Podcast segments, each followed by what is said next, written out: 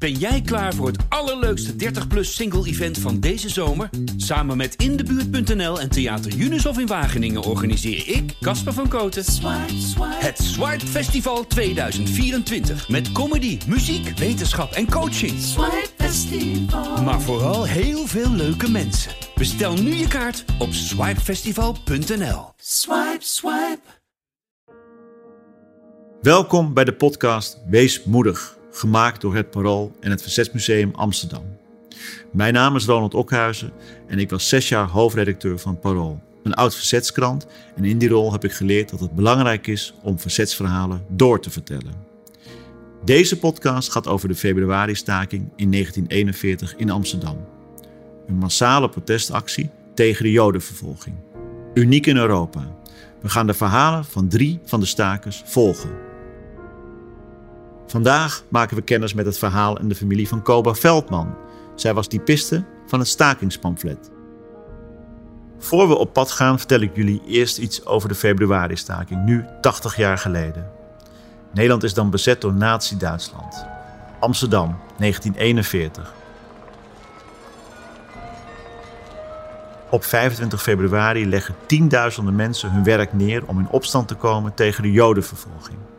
De aanleiding is een razzia op het Jonas Daniel Meijerplein, waarbij meer dan 400 Joodse mannen met grof geweld worden afgevoerd.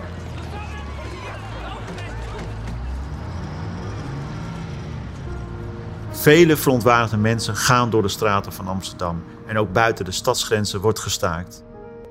De februari-staking gaat de geschiedenisboeken in als de enige massale en openlijke protestactie tegen de Jodenvervolging in Europa. Een historisch moment voor solidariteit, maar tegen welke prijs? De Joden zijn er niet door gered en sommige betrokkenen zijn zwaar gestraft. Koba werkt als typiste bij de communistische krant. Ze is lid van de CPN en ze is daarom aanwezig bij de vergadering op de Noordermarkt, de avond voorafgaand aan de februari-staking. Honderden arbeiders stonden s'avonds op de Noordermarkt. Een van mijn partijgenoten kwam me vragen een manifest te maken voor de remises Lekstraat en Pankrasstraat. Stencils, papier, schrijfmachine en stencilmachine had ik al in huis. Dus meteen aan de slag. Die nacht typt Koba, net als enkele anderen, de stakingsoproep. Ze schrijft: Staakt, staakt, staakt. Leg het gehele Amsterdamse bedrijfsleven een dag plat. Dan zal de Duitse bezetting moeten inbinden. Wees moedig. Ochtends vroeg op 25 februari, de eerste dag van de staking, verspreidt Kopa de oproep in de tramremises en bij bedrijven in de Jordaan. De tweede dag, 26 februari, tikt en stencilt Koba een nieuw pamflet waarin wordt opgeroepen om na de succesvolle staking weer te gaan werken. Daarmee wordt ze op straat gearresteerd en ze krijgt een half jaar gevangenisstraf. Haar zus neemt de zorg over voor haar kinderen Hans en Marianne. Koba wordt na haar gevangenisstraf niet vrijgelaten. Zo ging dat vaak onder het naziregime. Via zes andere gevangenissen komt ze in juli 1942 in vrouwenconcentratiekamp Ravensbrück aan in Duitsland. Het leven in het kamp is heel zwaar. Het loopt goed af voor Koba, want eind april 1945 wordt ze door het Zweedse Rode Kruis bevrijd en naar Zweden gebracht. Ik zit hier met Gusta Olivier Vonk, de schoondochter van Koba Veldman. En we gaan praten over het leven van Koba en uh, ook de invloed daarvan op de rest van de familie. Uh, welkom allereerst dat u hier bent. Dank Gelukkig. Uh, ik heb, ik, voor mij ligt een prachtig boek. Haar leven was strijd. Door u samengesteld. Hoe is dat boek tot stand gekomen? Nou, ze is jarenlang bezig geweest om er, nou ja, je kan zeggen, memoires te tikken. Uh, ze heeft had het altijd over het boek dat ze zou schrijven, maar uh, wij mochten het nooit lezen. En daarna, nadat ze overleden was, vonden we een hele stapel papier. Het was in 1976, hè? In 76 is ze overleden. En toen vond de dochter een hele stapel papier waarop ze die memoires had getikt. Het boek heet ook Haar leven was strijd. Dat is niet voor niks natuurlijk. Dat zei ze zelf altijd. Ik heb, ik heb mijn leven lang moeten vechten. En dan begon ze al, als klein kind heeft ze het al moeten vechten tegen de vader. Want uh, die vader die schijnt nogal losse handjes gehad te hebben. Maar die heb ik niet gekend. Toen zat er ook heel veel tijd tussen, eigenlijk tussen, tussen, tussen de oorlog en de februari-staking en, nou ja, en het moment dat, dat, dat die herinneringen worden gepubliceerd. Was, was, was uw zeg maar, blik op, op haar heel erg veranderd? Of wat voor soort vrouw is het voor u? nou ja, in het begin, ik had heel veel bewondering voor haar. Net zoals ze uh, in het concentratiekamp uh, geweest is. En hoe ze daar, wat ik ook van anderen gehoord heb, hoe, hoe ze zich daar gedragen heeft. En, maar ook wat ze na de oorlog, in 1948, zat ik, was ik op weg naar een correspondentievriendin in Praag. En er zat toevallig, ik kende haar helemaal niet, maar zat ik met haar in één coupé. En uh, toen begon ze die verhalen over het kamp en zo te vertellen. En toen nauwelijks de grens over waren tegen de douane en de conducteur die kwam en later die Duitse passagiers. Was het ieder ogenblik, je hebt het niet gewoest. Nou, ze hebben het wel jullie hebben het wel geweten. En, dan begon er een heel verhaal. toen dacht ik, jee, hoe durf ze dat zomaar tegen die mensen te vertellen? Dus eh, ja, ik had dus echt wel uh, bewondering voor haar. Ja, en dat, het was een, iemand die niet bang was natuurlijk, dat is duidelijk. Nee, Anders doe je dat ook niet in de oorlog. En ook dus daarna eigenlijk gaat, gaat de, de strijd gewoon door. Tot, maar, de, tot de dood aan toe is ze strijdbaar geweest. En als u terugdenkt hè, aan, aan, uh, aan Koba en, en, en, iemand die in uw leven natuurlijk een hele grote rol heeft gespeeld. Wat, wat, wat, wat komt er dan het eerst boven? Ja, dat is moeilijk te zeggen tegelijk had ik dus een bewondering voor haar. Maar later, toen ze mijn schoonmoeder werd, dat wist ik toen, had ik in het begin natuurlijk de, geen haar in mijn hoofd die daaraan gedacht had. Maar toen ze mijn schoonmoeder werd, nou, toen werd het wel een beetje als schoonmoeder wel vervelend. Want uh, ja, ze bemoeide zich overal mee. Als wij uh, tegen de kinderen zeggen, ja, dat mag wel. Zij zei, nee, er komt niks van in. Of Omgekeerd, als wij zeggen nee, dat kan niet door. Ze zeggen, ach ja, de kinderen mogen het wel. Ze was altijd, altijd tegendraads. En, en had u daar begrip voor? Want het is natuurlijk ook als je eh, in de oorlog dat meemaakt en je bent op een gegeven moment opgepakt en je hebt natuurlijk in een kamp gezeten. Dat, dat heeft bij haar natuurlijk altijd hele diepe sporen nagelaten. Ja, ik denk wel dat het uh, op haar ook heel veel invloed heeft gehad. En uh, ja, uh, ze bemoeide zich ook met anderen. Als ze bijvoorbeeld een paar jongetjes op straat met elkaar zag vechten, dan haalde ze ze uit elkaar en zei: Niet vechten. En zo. Het, ja, de, de kinderen van, van mijn schoonzusje, die hadden er echt een hekel aan.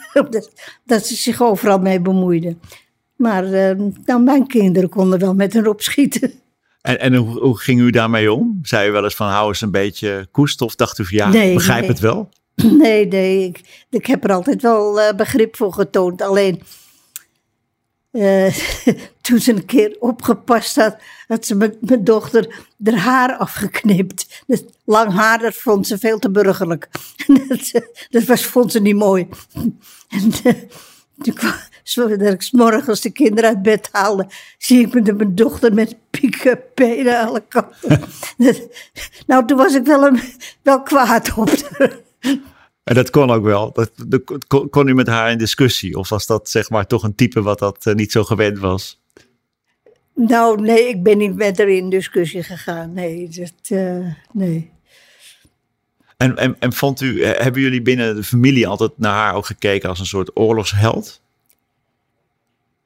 Ja, ja, eigenlijk wel. Ja, ja. Het, uh, zij en, en de, de jong, jongste broer, die, uh, die ook al, dan die is ook gevangen gezet.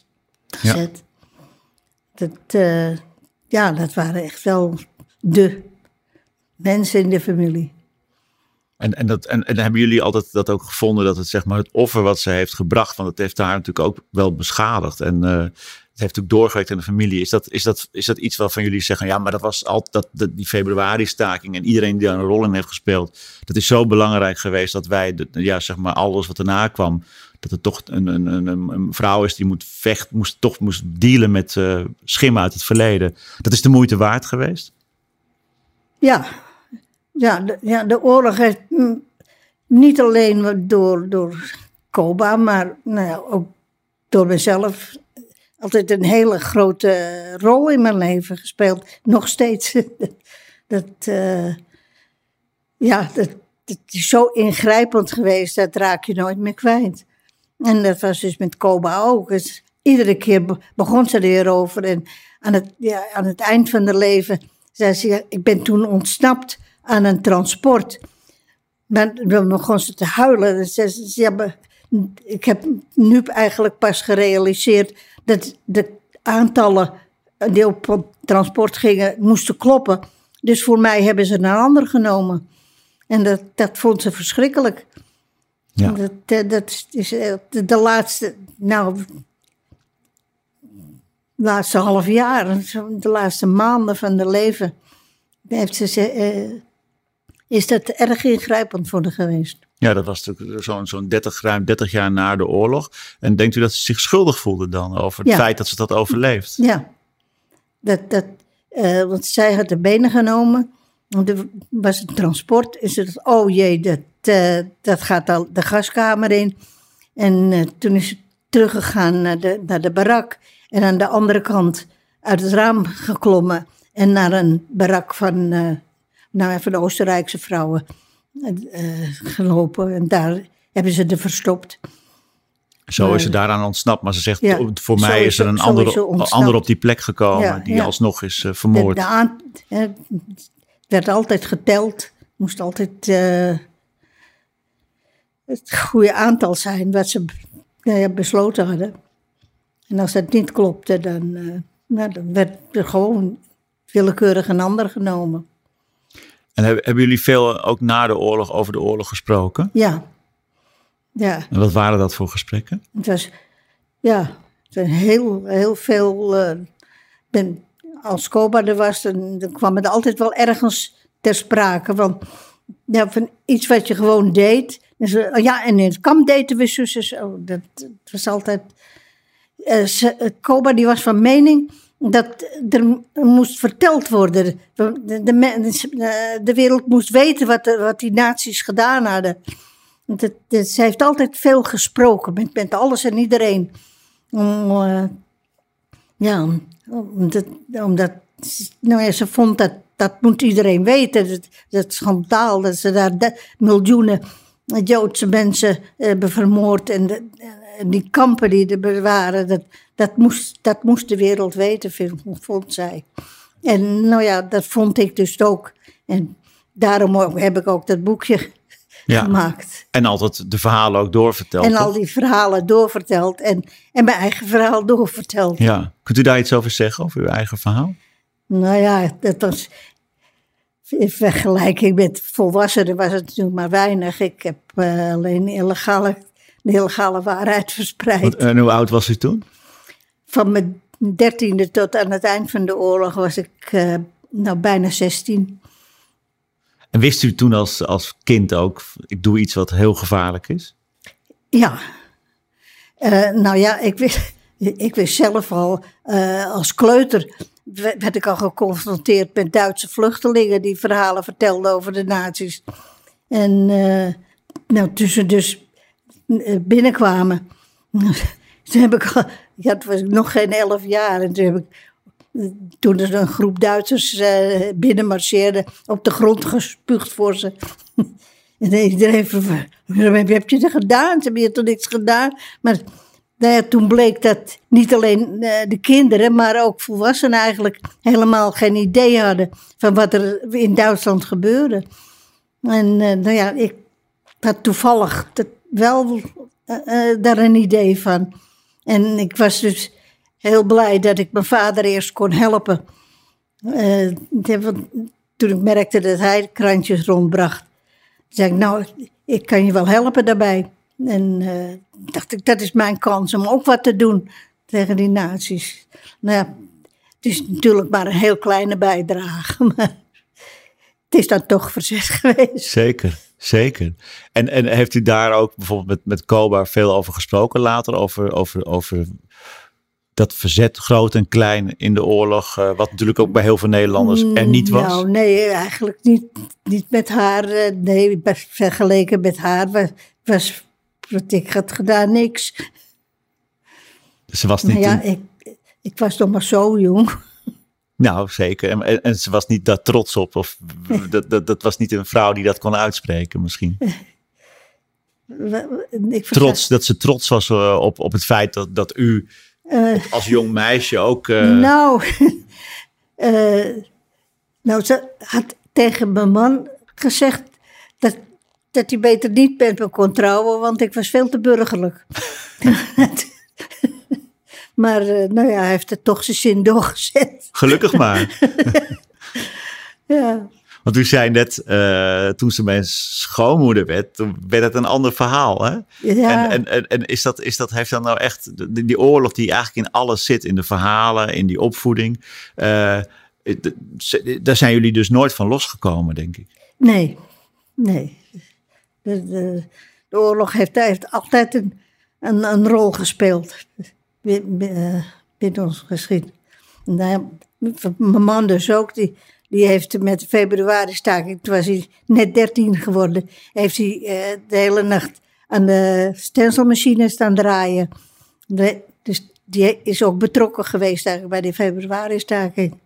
En uh, de, de, wat, wat, wat Koba had getypt onder andere, door het pamflet ja, om... Koba had, het, had de oproep ja. getikt.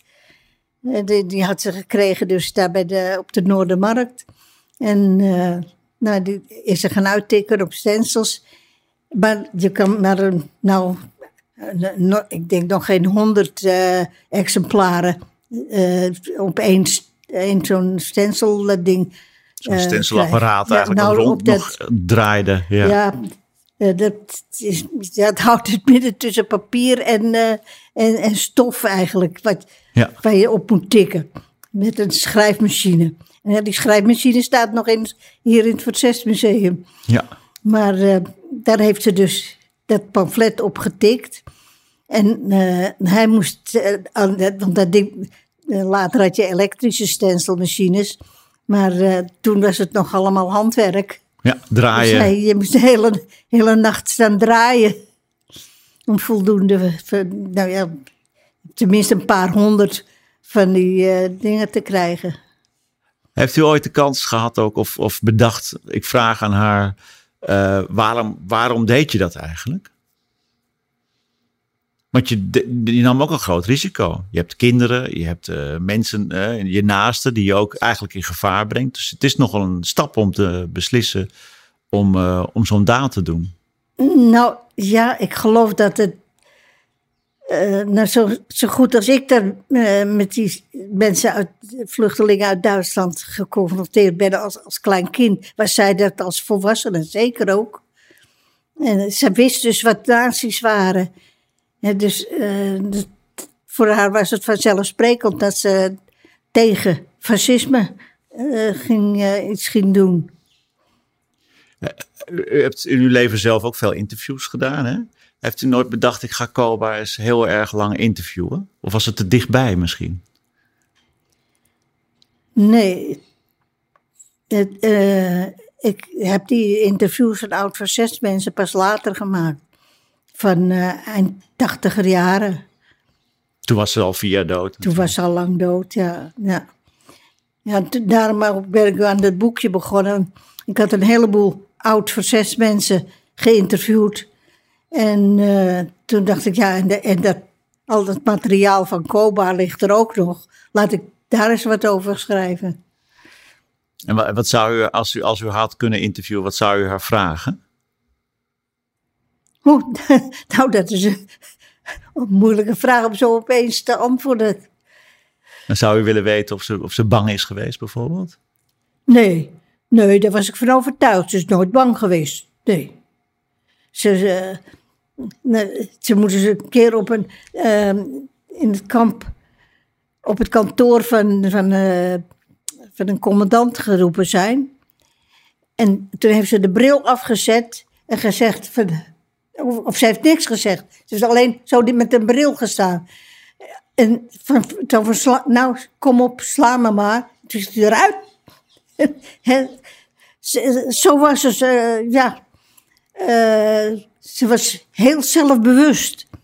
Ze was zich bewust eigenlijk van haar eigen kracht. Zoiets zou je kunnen zeggen. Dat, eh, ja, nee, die is, die is nooit bang geweest. Eigenlijk ook een, dus een heel groot, wat we nu zouden zeggen, feministisch voorbeeld. Want vrouwen waren toen Ja. vanzelfsprekend niet, zeg maar, eh, in een gelijkwaardige rol. Een bommoeder avant la lettre.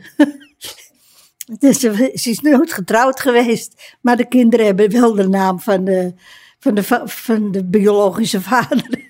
Zo, zo ging dat natuurlijk. Zo ging dat in, eh, nou ja, dat was eind twintiger jaren. In, een eeuw geleden bijna. Ja, een eeuw geleden. En toen werd daar natuurlijk heel anders naar gekeken. Ja, ja. Het was al snel een schande. Maar ja, ze, ze kwam uit anarchistische kringen. En die erkenden de wet niet. U, u zei ook van, eh, ze bemoeide zich natuurlijk al later toen ik eh, haar eh, schoondochter werd. ook echt met de opvoeding binnen, binnen uw gezin. En het, het, het klinkt niet als iemand die daarna zeg maar, de klassieke rol van een, van een zeg maar, moederachtige figuur speelde. Hè? Nou, ze nam de kinderen wel vaak ergens mee naartoe. Ze, ze ging wel graag ook met ons mee ergens heen. Ja, dat wel. Maar daar, kan, kan mijn dochter eigenlijk meer over vertellen. Natuurlijk, die heeft dat al als kind eh, meegemaakt. Ja, die gaan we zeker nog spreken ook, gelukkig. maar, was dat, heeft, u, heeft u ook nooit gedacht, die oorlog zit zo in haar, dat, dat ze eigenlijk misschien niet meer terug kon naar een normaal leven? Dan volgens mijn man was ze voor de oorlog net zo. Dat was gewoon een heel principieel iemand. Ja, ja. De kinderen moch- mochten geen, eh, geen mama zeggen of zoiets. Ze, ze moesten de Koba noemen. Want dat was ook ja. burgerlijk om eh, mama te zeggen. Net zoals Ja, lang dat- haar. Ik mocht er geen hand geven. De kinderen hebben er nooit een zoen mogen geven. Dat was, eh, nee, dat hoorde er Er werd niet bij. geknuffeld. eh. Nee. En, en had, begreep u dat ook? Want dat had misschien dan meer met die, met die levenshouding en dat anarchisme te maken dan, dan met de oorlog. Of denkt u dat de oorlog daar een rol in heeft gespeeld? Nee. Dat, ze was gewoon zo. Ja, ja. Dat denk ik wel, dat ze altijd zo wel geweest is. Dus een rechtlijnig iemand die in de oorlog natuurlijk zei: Dit is foute boel, dus daar ga ik Ja, eh, ja. tegen Ja. tekeer. Ja, Er was eigenlijk geen andere weg voor haar dan eh, in het verzet te gaan. Dat, ja ze is altijd heel eh, principieel geweest. Als u nu terugkijkt, er zit zoveel tijd tussen. Hoe kijkt u dan gewoon meer naar Koba als vrouw, maar ook als, als iemand die er zo'n grote rol heeft gespeeld in die februari-staking? Als u haar moet omschrijven. Nou, Nou, ze was, ze was een van de velen. Haar rol was eh, niet groter dan, dan van anderen. Nou, ja, of kleiner. Ik, ik heb bij al die interviews die ik eh, gemaakt heb... eh, met de Met verzets, 80 en eh, 90 jaren... waren heel veel mensen die, die minstens zoveel hebben gedaan. Of misschien wel meer. Maar eh, ja, dit, ik had een bewo- grote bewondering voor de, wat, wat dat betreft.